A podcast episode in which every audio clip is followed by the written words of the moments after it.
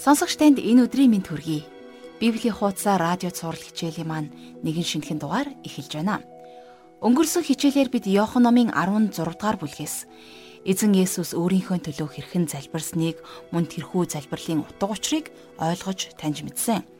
Тэгвэл өнөөдрийн хичээлээр бид үргэлжлүүлэн Иохан номын 17 дугаар бүлгээс Есүс өөрийнхөө дагалдагч нарын төлөө мөн чуулганыхаа төлөө хэрхэн залбирсныг харах болно.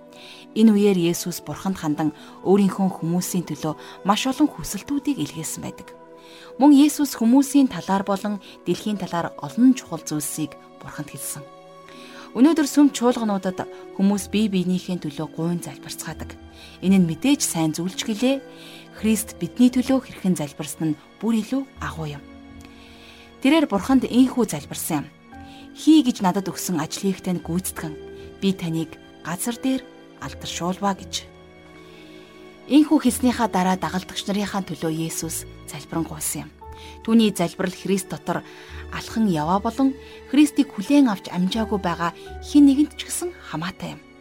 Бид эцэг хүү ариун сүнсний талаар өөрсдийн мэдлэгээ өсгөхийн хэрээр түүнтэй улам илүү ойр дотн нөхөрлөж чин сэтгэлээрээ итгэснээр л мөнхийн амийг олж авах болно. Ингээд хичээлээ эхлэхийн өмнө хамтдаа энэ цагийг бурхан даатгаж залбирцгаая.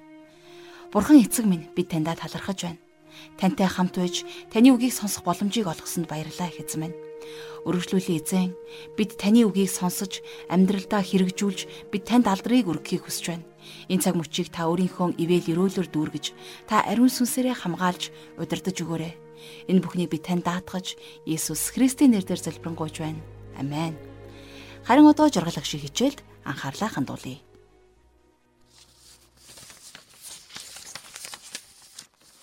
За өнөөдрийн бидний хамтдаа үзэх Иохны сайн мэдээ номны 17 дугаар бүлэг бол Есүсийн эцэгтэй хандан залбирсан залбирал юм. За ингээд хамтдаа 17 дугаар бүлгийн 2 дугаар ишлэлийг нэгэд харцгаая. Таны надад өгсөн бүх хүнд хүүчин мөн хамийг өгөхийн тулд бүх махан биеийг захирах эрхийг та надад өгсөн билээ. За яг энэ үгээр энэхүү залбирал эхэлж байна. Тэгэхээр энэ үгс бол үнэхээр гайхалтай мэдэгдлүүд. Есүст бүх махан биеийг захирах эрх мэдэл байдаг. Тэр энэ хорвоо ертөнцийг түүн дээр орших хувь хүн бүрийг өөртөө сөхрүүлж өөрийнхөө захиргаанд авчирч чадна. Сүм чуулган бол Есүс Христэд өгөх Бурхны бэлэг. Тиймээс тэр түүнд өгсөн хүмүүрт мөнх амийг өгдөг. Энэ нь сонголт чөлөөт хүслийн асуудлыг бидэнд авчирч байдаг. Тэгэхээр би энд гүн гүнзгий орохыг хүсэхгүй байна. Хэрвээ бурхан надад ямар нэгэн байдлаар сонгогдсон хүмүүсийг илчилсэн бол би зөвхөн тэдэнд л сайн мэдээг хэлж өгөх байсан. Харин бурхан энийг хийдэггүй. Тэр өөр дээр нэр хэнийг ч ялахгүй гэж хэлсэн. Тэр нь хүмүүрт өгөгдөх хууль эрхийн санал байна. Хэрвээ та түүн рүү ирэхгүй бол танд санал болгох ямар нэгэн шалтгаан байхгүй гэсэн үг. Бурхны танд өгсөн тэр саналаас татгалзсан нь таны л буруу байх болно. 3 дугаар ишлэгийг харъя. Цорын ганц үнэн бурхан таныг болон таны илгээсэн Есүс Христийг мэдэх нь мөнхийн ам мөн гэж энэ ишлэлд бичсэн байна. За тэгвэл мөнхийн ам бол цорын ганц үнэн бурхныг болон түүний илгээсэн Есүс Христийг таньж мэдэх явдал байх нь. Үнэн бурхан ба Есүс Христийг таньж мэдэх хүсэл танд байдгүй. Тэгвэл хизээж бурхан таны өмнө хаалга хахгүй. Харин та сонголтоор өөрийгөө хааж боох хэрэггүй. Тэр дуудлагыг сонсоо зүрх сэтгэлдээ хариу өгсөн тэдгэр хүмүүст бурхан мөнх амийг өгдөг. Учир нь яагаад вэ гэхээр тэд Есүс Христ рүү өөрсдийнхөө чөлөөт хүслээр ирдэг юм. Харин Есүсийн хэлсэн тэд таныг мэдэх юмаа гэж хэлсэн үгээр танд байх мэдлэгийн хэмжээг заагаагүй. А гэхдээ мэдлэг бол энд чухал. Та Есүс Христийг таньдгүй гэдгээр ч бас итгэлийн хэмжээг тогтоохгүй. А гэхдээ тэр итгэл бол бас л чухал. Зөвхөн итэг гэдэг нэртэй дуу байдаг да. Тэр дуунд бид нэр зөвхөн цорын ганц тэр эзэн Есүс Христэд итгэх ёстой. Тэгэхээр би энд алдартай номлогч болох Чарльз Спurgeon-ы хэлсэн үгийг иш татмаар байна. Тэрээр хэлэхдээ Христ дотор баяр хөөр таныг авардаг юм биш. Христ таныг авардаг. Христ дэх итгэл таныг авардаг юм биш. Христийн цус ба түүний гавья таныг аварсан. Хүн буруу зүйлд итгэж болдог. Тэгэхээр итгэлийн объект үнэхээр чухал. цорын ганц үнэн бурхныг болон түүний илгээсэн Есүс Христийг таньж мэдэх нь л мөнх ам байх нь байна. Итгэл бурхны үгийг сонссноор ирдэг. Тэгвэл бурхны үг яг юу хэлдэг вэ? Есүс бидний төлөө нас барж дахин амилсан гэдэг бол үнэхээр сайн мэдээ. Энэхүү сайн мэдээ бол үнэн баримтан дээр тулгуурлагдсан сайн мэдээ. Тэгэхээр үнэн баримтуудын талаарх бидний мэдлэг, тэрхүү мэдлэгт хариу үзүүлэх бидний хариулт бол итгэл. Итгэл бол бидний аврагч Христэд найдах найдлага юм. Мөн хэн бол Бурхныг таньж мэдэх. За Есүс Христийг таньж мэдэх явдал. Есүс бол аврагч гих түүний нэр. Түүнийг таньж мэднэ гэдэг бол Христийн талаарх мэдлэг нэгүсэл дотор өснө гэсэн утгатай. Бид нар эзэн Есүс Христийн талаарх мэдлэг дотор урагшлахдаа баталгаатай байдал руу ирж байна гэсэн үг юм. Авралын баталгаагүй хинч гисэн аврагдаагүй. Эсвэл Христ дотор нялх хүүхэдчгэл байдаг. Тэд нар аврагдсан гэдгээ мэдэх хэрэгтэй. Тэгэхээр мөн хан бол жинхэнэ бурхныг таньж мэдэх, Христ Есүсийг таньж мэдэх тэрл зүйлийг хэлж байна. Энэ нь бурхны үгийг судлах нь ямар чухал вэ гэдгийг бидэнд байнга сануулж байдаг. Харамсалтай нь олон хүн аврагдсан гэдэгтээ хизээч итгэлтэй байдгүй учраас заримдаа захад үлддэг. За харин одоо Есүс эцэгтэй өөрийн сүүлчийн мэдээгээ гардуулж байгаа тухай хамтдаа харцгаая. За дөрөвдүгээр ишлэгийг уншъя. Хий гэж надад өгсөн ажлыг тань гүйцэтгэн. Би таныг газар дээр алдаршуулваа гэсэн байна. Есүс хараахан нас бараагүй байсан. Бурхны хувьд ирээдүйд цаг бол өнгөрсөн цаг шиг нарийн. Бидний эзэн Есүс загалмай дээр удахгүй нас барах гэж байна. Харин дараа нь тэр дахин амьлах болно. Есүс загалмай дээр нас барахдаа за гүйцлээ гэж хэлсэн. Тэр нь бидний золилтын ажил дууссан гэдгийг илэрхийлсэн юм. Өөрөөр хэлэх юм бол Есүс энэ дэлхий дээр өөрийнхөө зорилгыг гүйцэлдүүлж хүндрэлтний төлөөх шаардлагатай бүхнийг хийсэн байна. Тэгэхээр Есүсийн ажил дууссан. Тийм болохоор авралын сайн мэдээ бол Бурхан танаас ямарваа нэгэн зүйл хий гэж хүсдэг явдал биш. Ягд үг гэхээр Бурхан таны төлөө аль хэдийнэ өөрийнхөө бүх зүйлийг хийсэн гэдгийг л ойлгож итгэх явдал байдаг. Таныг авралд авчрах тэрхүү алхам бол таны хариу үйлдэл байх болно. За тэгээд Есүс үргэлжлүүлэн Бурханд хандан ингэж хэлсэн. 5 дугаар ишлэгийг харъя. Одоо Аава ертөнцийг бүтээхээс өмнө тантай хамт надад байсан сүр жавхлангаар та намайг өөрийнхөө хамт алдаршуулаач. Тэгэхээр Илч Паул Филиппо хотынд бичсэн загталтаа Есүс хэрхэн өөрийгөө хоосолсон тухай илүү дэлгэрэнгүй тайлбарлан бичсэн байдаг. За энийг зарим хүмүүс Есүс өөрийнхөө бурханлаг чанарыг бүрэн хоосолсон гэж тайлбарлах гад байдаг. Харин Йохан үг нь махан бий болсон гэдгийг өөрийнхөө сайн мэдээ номонд маш тодорхой бичсэн байна. Мариягийн тэрвэрт байсан тэр бяцхан хүү бол бурхан. Тэр зүгээр л 99.9% бурхан байгаагүй. Тэр 100% бурхан байсан бас байгаа. А тэгвэл тэр өөрөөсөө яг юуг хоосолсон юм бэ? Тэр өөрөөсөө бурханлаг байдлын онцгой эрх дарахыг хоосолсон. Өөрөөр хэлэх юм бол тэр өөрийнхөө бурханлаг алдрыг хажуу тийш нь тавиад хүний биеинд хүлэгдэн энэ дэлхийд ирсэн гэсэн үг. Тэгэхээр Христийн мэндэлсэн баяраар бид нар Есүсийг харахаар ирсэн мэрэгэн хүмүүс хончид Тэнгэр элч нарын талаар их түүх хүүрнэн ярилцсаадаг. А гэхдээ үнэндээ бол тийм биш юм. Есүс бол алдрын эзэн. Бүх бүтээл түүнийг төрөх үед тэнд байх ёстой байсан. Газар дэлхий дээр хүн бүр тэнд байх ёстой байсан. Хэдийгээр Есүс тийм их хүндлэлийг шаардаж болох байсан ч гэсэн тэр өөрийнхөө алдрыг хажуу тийш нь тавьсан юм. Харин одоо тэр Тэнгэр лүү алдар руугаа буцахад бэлэн болсон. Тэгээд тэр дагалдагч нарын төлөө ийхүү залбирсан байна. За 6 дугаар ишлэгийг харъя. ертөнцөөс таны надад өгсөн хүмүүст би таны нэрийг илэрхийлсэн. Тэд таних байсан бөгөөд та тэднийг надад өгсөн. Тэд таны үгийг сахисан юм а гэж залбирсан. Тэгэхээр 2 дугаар ишлэл дээр таны надад өгсөн хүмүүст гэсэн ишлэл байдаг бол 6 дугаар ишлэл дээр та тэднийг надад өгсөн гэж.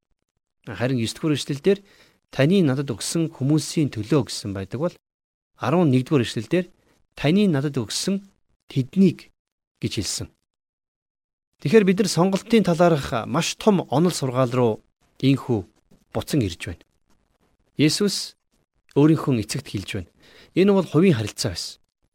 А гэхдээ Есүс дагалдагч нартаа энэ яриагаа сонсгож үүнийгээ мэдүүлэхийг хүссэн байна. Тэгэхээр сонголтын талаар би мэдэх ёстой бүгдийг мэдэхгүй л дээ. За энэ сэдвийн талаар мундаг том теологчид судлаачдын бичснийг уншиж байсан ч гэсэн тэд нар энэ талаар тийм их сайн мэддгүй юм шиг надад санагдсан. Харин бидний мэдэхгүй олон зүйлийг бурхан мэддэг нь бидний мэдэхгүй байхын шалтгаан юм. Тийм учраас энэ залбирлыг сонсох боломжтой байх нь үнэхээр гайхалтай. Есүс бурхны баруун талд суугаад бидний талаар өнөөдөр ч гэсэн ярьж байгаа. Хэрвээ та бурхны хүүхэд болсон бол эзэн Есүс өнөөдөр таны талаар эцэг бурхандаа ярьж байгаа. Эзэн Есүс өөрийн хүмүүстэй нууцлаг харилцаа холбоотой байдаг. Яагад үгэхээр түүний хүмүүс эцэгт харьяалагддаг. Тэднийг бурхан Есүст өгсөн. Тэгэхээр би энэний утгыг бүрэн ухаж ойлгож чадахгүй байгаа ч гэсэн энэ бол үнэхээр гайхалтай харилцаа юм да гэж боддгийм. За 7-оос 8 дугаар эшлэлдэр Таны надад өгсөн алив бүхэн нь танаас ирсэн гэдгийг одоо тэд мэдсэн. Учир нь таны надад өгсөн үгсийг би тэдэнд өгсөн. Тэдгэрийг тэд хүлээн авч намайг танаас гарч ирснийг үнэхээр ойлгоод таны намайг илгээсэн гэдэгт итгэсэн юмаа гэж үргэлжлүүлэн залбирсан байна. Тэгэхээр эзэн тэдэнд эцгийнхээ үгсийг өгсөн байсан. Иесус өөрийнхөө дагалдагч нарт хизээч эд хөрөнгө мөнгө унаад хэрэг өгөөг. Харин өөрийнхөө аавын үгсийг хүлээлгэн өгсөн. Есүсийн эдгээр дагалдагч нар түүнийг эцгээс ирсэн гэдэгт итгэсэн гэж гэрчилж байна. Тэд түүнийг хэн байсныг мэдсэн ч гэсэн Есүсийн зорилгыг бүрэн ойлгоогүй байсан. Түүний үхэл дахин амьдралтыг ч ойлгоогүй байсан. А гэхдээ тэд нар Есүстэй хамт байсан 3 жилийнхээ турш гайхалтай амьдралын дэвшилтүүдийг гаргасан байдаг. Тэд нэр Есүсийг Бурханаас ирсэн гэдгийг мэдсэн бас түүнд итгэсэн. Тиймээс өөрт нь итгэсэн өөрийнх нь хүмүүсийн төлөө Есүс Аавда ингэж залбирдаг. За 9 дугаар ишлэгийг харъя. Тэдний төлөө би гуйж байна. Би ертөнцийн төлөө бос харин таны надад өгсөн хүмүүсийн төлөө гуйж байна. Учир нь тэд таних билээ.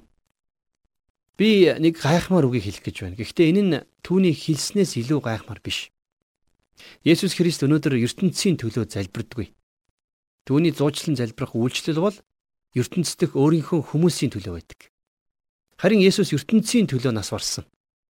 Тэгвэл Есүс энэ ертөнцийн төлөө илүү юу хийх байсан бэ гэдг нь үнэхээр сонин.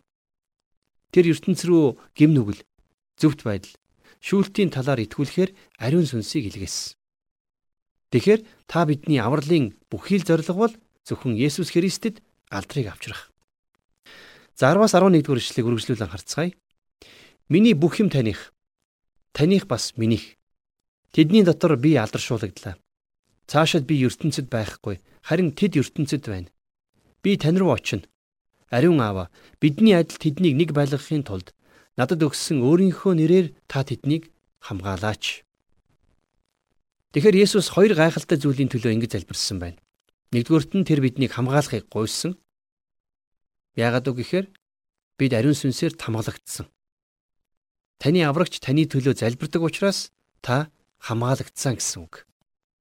За бас нэгэн хүсэлт бол биднийг нэг байлгах. Есүс итгэгч нарын эв нэгдлийн төлөө залбирсан байна. Тэр дэлхийн хэмжээний нэг хөдөлгөөний төлөө залбирч байгаа юм биш. Эсвэл бид нар бүгд ижил урсгал чиглэлд нэгдэхийн төлөө гуугаагүй. Юуны өмнө тэр эцэгтэй өөрийнх нь хүмүүс нэг байхын төлөө залбирсан. Тэр бидэнд Эсвэл зарим сүмийн эрх мэдлэлтнүүдэд залбираагүйг та санаарай. Тэр эцэгтэй хандан залбирч байна. Тэр биднийг нэг байх ёстой гэж залбирсан. Эцэг хүү хоёр нэг байдаг шиг бид нэг байх ёстой гэж залбирсан. Эцэг хүүгийнхээ залбиралд бүрэн хариулсан гэж би бодож байна. Бурхны бүтээсэн жинхэнэ төгс эв нэгдэл байдаг. Ариун сүнс бүх үнэн итгэгч нарыг аваад Христийн бие рүү баптизм хүртээдэг. Тэднийг Христийн биетэй адил болгодог. Харин энэний эсрэгээр энэ дэлхийн итгэгч нар маш ихээр хуваагдсан байна. А гэтэл яг үнэндээ ганцхан жинхэнэ чуулган бий. Есүс Христ доторх итгэгч бүр тэрхүү чуулганы нэг гишүүн. Энийг бид нар Христийн бие гэж нэрлэдэг. Тийм учраас Христийн бие болсон тэрхүү чуулганы гишүүн байх сонголт та биднээс гарах ёстой. За цааш нь харин 12 дугаар ишлэлдэр би тэдэнтэй хамт байхдаа тэднийг надад өгсөн таны нэрээр хамгаалж байсан. Би тэднийг харгалзсан бөгөөд мөхлийн хүүгээс өөр тэдний нэгэн ч мөксөнгүй. Энэ нь судар биелэгдэхийн тулд болсон ажээ гэж бичсэн байна. За таны надад өгсөн тэднийг гэсэн үйлбэрийг би дахин энд сануулan хэлмээр байна. Тэгэхээр Искариотын Юдас бол мэдээж мөхлийн хүү байсан. Өөрийнх нь талаар үзүүлсэн иш үзүүлэг нь ийхүү биелсэн байна. За 13 дугаар эшлэлдэр харин одоо би тань руу очино. Тэдний дотор миний баяр бясгал нь дүүрэн байхын тулд энэ бүхнийг би ертөнцид байхдаа ярьж байна гэсэн байна. За мэдээж бурхан биднийг төв царайлсан ёсорхуу байлгахыг хүсдэггүй. Тэр бидний амьдралыг баяр хөөрөөр за Бурхны баяр баясгалангаар дүүргэхийн тулд Есүс энэ дэлхийд ирсэн. 14 дугаар эшлэлдэр би таны үгийг тэдэнд өгсөн. Би ертөнцийнх биш адил тэд бас ертөнцийнх биш тул ертөнд тэднийг үзэн ядсан юм. Бурхны үг өнөөдөр дэлхийд маш олон асуудал тарьж байгаа. Библи бол ертөнцийнх хамгийн их хувьсгалч ном. Энэ нь та өөрөө өөрийгөө аварч чадахгүй. Зөвхөн Христ л таныг аварч чадна гэдгийг заадаг хувьсгал. Тийм болохоор та энэ ертөнцийг илүү сайн болгох боломжгүй. Энийг зөвхөн Есүс Христ л хийж чадна. Энэ бол хувьсгал. Харин харамсалтай нь ертөнц түүнийг сонсхийг хүсдэггүй. Та хид хідэн цэцэг суулгаж бохирдлыг цэвэрлэх гэж хичээхийг магадгүй илүүд үзэх боломжтой. Та агаарын бохирдлыг арилгах гэж магадгүй мод тарих ч юм уу эсвэл хог цэвэрлэх аянд нэгдэж болно. А гэхдээ хамгийн том бохирдол бол хүний зүрхний бохирдол юм. Тиймээс цааш нь Есүс бурханд хандан үргэлжлүүлэн ингэж залбирсан. За 15 дугаар эшлэлдэр би танаас тэднийг ертөнцөөс аваач гэж гуйхгүй харин тэднийг муугаас хамгаалаач э гэж гуйж байна. Тэр биднийг ертөнцөөс аваач э гэж биш харин муугаас хамгаалаач э гэж залбирснараа Бурхан таныг намайг өнөөдөр энэ ертөнцийн хамгаалж тэгээд өөртөө алдрыг авч байдаг. Бид нар Бурханд алдрыг авчрахын тулд энэ дэлхий дээр амьдарч байгаа. Бурхан таныг бас намайг ертөнцид сахин байлгаснаар алдрыг авдгаа гэдгийг бид сайн ойлгох хэрэгтэй. Хэрвээ та намайг тэр намайг мэддэг шиг мэддэг байсан бол Бурхны хувьд намайг ертөнцид байлгаж байгаа нь нэгэн гайхамшиг, нэгэн утга учир юм а гэдгийг мэдэх байсан. Хэрвээ бид нэр энэ хичээлийг үнэхээр ойлгож чадах юм бол бидний амьдралд үнэхээр гайхалтай зүйлүүд болох болно. Бид нар энэ дэлхий дээр хэцүү байдаг болохоор уйлж, гоншхондог. Мэдээж амьдрал амар биш. Гэхдээ Иохны 16 дугаар бүлгийн 33 дугаар ишлэлийг хамтдаа санацгаая. Есүс хэлэхдээ гівч зоригтой бай. Би ертөнцийг ялсан гэж хэлсэн. 24 цаг тутамд Тэнгэрт ямарваа нэгэн гайхамшигтай халелуя уулзалт болдгоо гэж би хувьдаа боддог. Хэрвээ бид нар энийг ойлгож сурч чадах юм бол энэ нь хэцүү бэрхшээлтэй зүйлс. Уруу татлагуудыг давхад илүү хялбар болох боломжийг бидэнд өгөх болно. Эзэн Есүс биднийг энэ ертөнцид байлгахын төлөө залбирсан. А тэгээд биднийг бузар нэгнээс хамгаалахыг эцгээсээ гуйсан. За тэгвэл яагаад бузар муугаас хамгаалах ёстой талаар за цааш нь 16-аас 17 дугаар ишлээс харцгаая. Би ертөнцийнх биш адил тэд бас ертөнцийнх биш. Үнэн дотор тэднийг ариусгаач. Таны үг бол үнэн мөн гэсэн байна.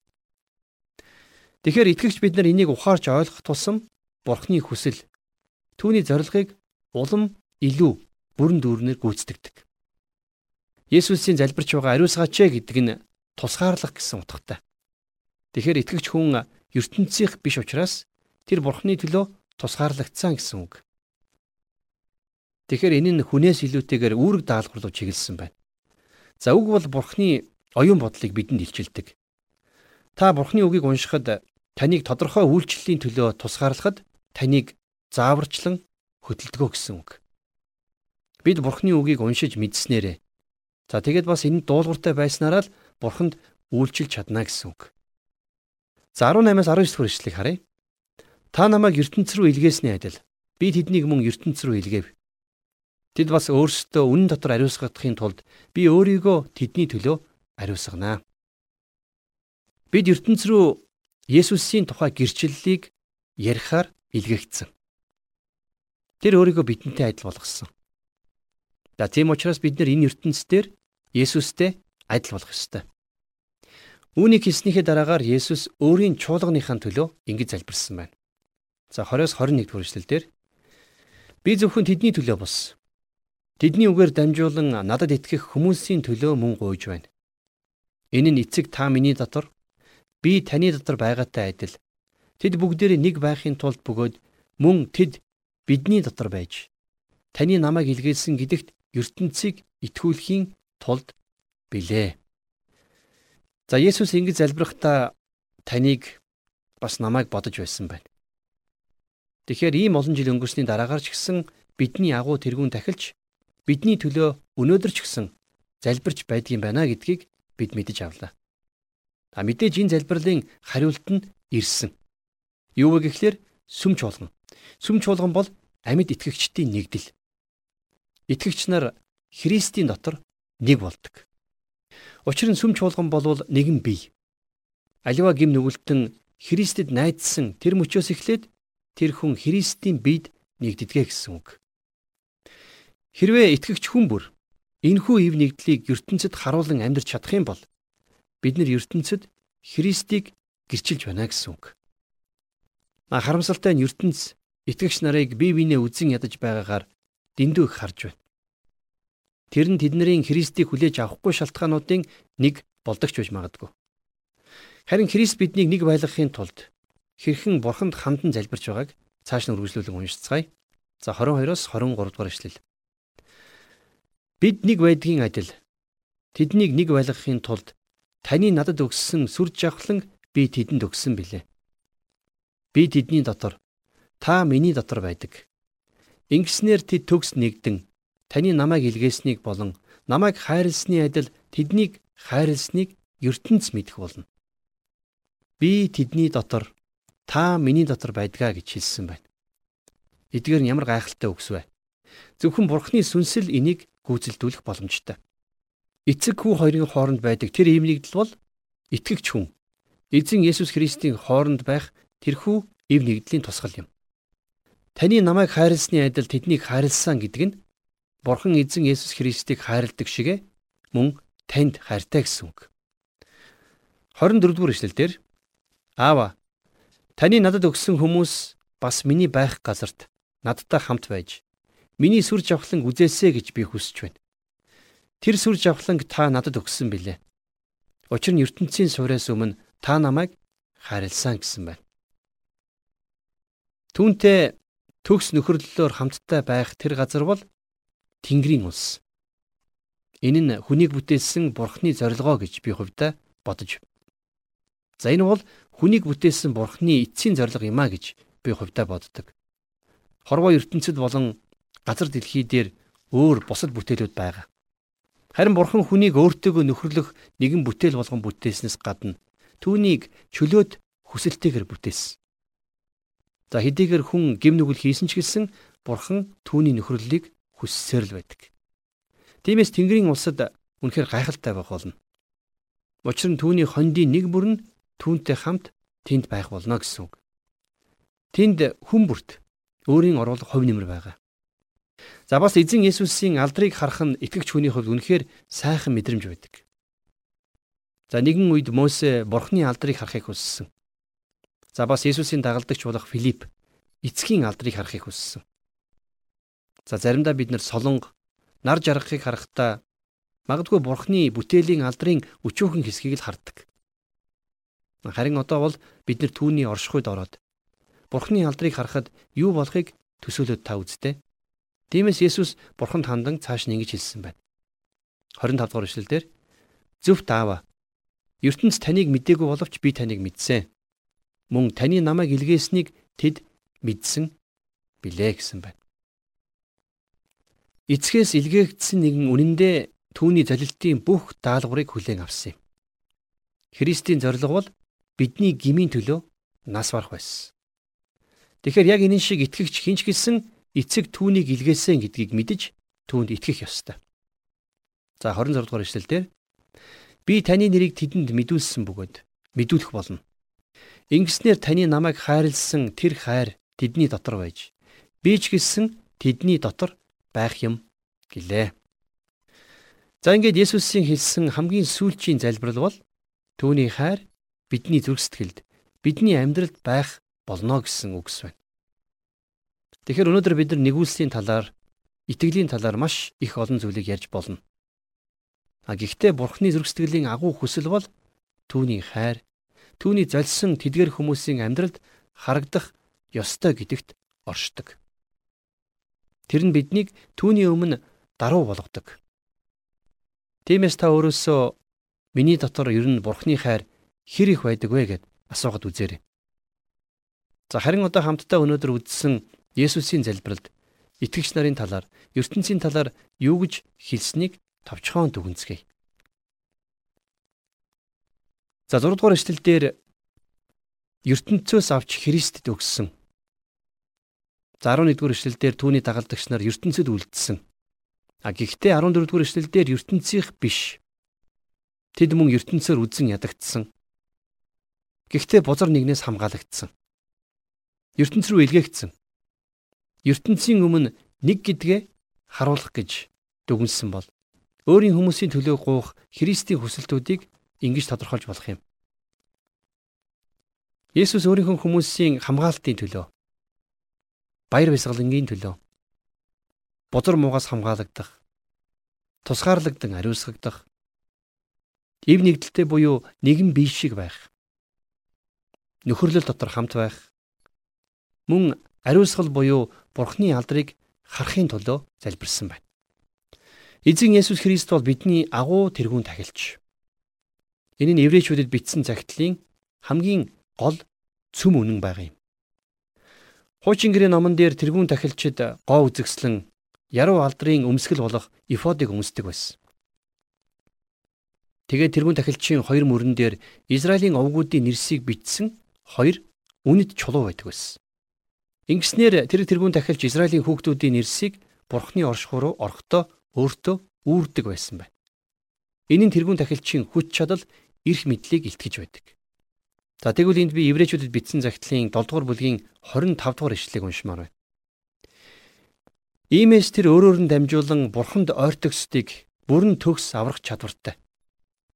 Учир нь тэр тэдний төлөө зуучлан залбирахын тулд үргэлж амьд байдгаа гэж энд бичсэн байна. Тэгэхээр Христ бол биднийг аврах чадaltaй гэдгийг та харж байгаа түүнд хүч чадал эрх мэдэл нь байгаа. Мөн тэрүүн тахилчийн цээжвчин дээр 12 үнэт чулуу байсан. За тэдгээр нь 3 3-аараа дөрвөн игнэ байрладаг байсан тухай бид өмнөх хичээлүүдээр үзэж байсан. Тэгэхээр тэр чулуунууд тус бүр дээр Израилийн овг бүрийн нэр байсан юм. За тэгэхээр энэний утга санаа нь тэрүүн тахилч бурхны оршихуй руу цээжвчийг өмсөд ороход тэр та бидний төлөө бурхны баруун талд зуучлан гуйдаг эзэн Есүс Христийг дүрсэлсэн байна. Эзэн биднийг өөрийн мөрөн дээрээ үүрээ зогсдгүй. Харин тэр биднийг ингэртээ тэрвэрдэг. Тэр нь Бурхны зүрхсэтгэл, Бурхны хайрыг илэрхийлж байгаа юм. Түүнд бүх эрх мэдэл байгаа. Яагад гэвэл тэр биднийг Бурхны хайраар хайрладаг юм. Тэгэхээр өнөөдрийн хичээл үнэхээр сонирхолтой байлаа.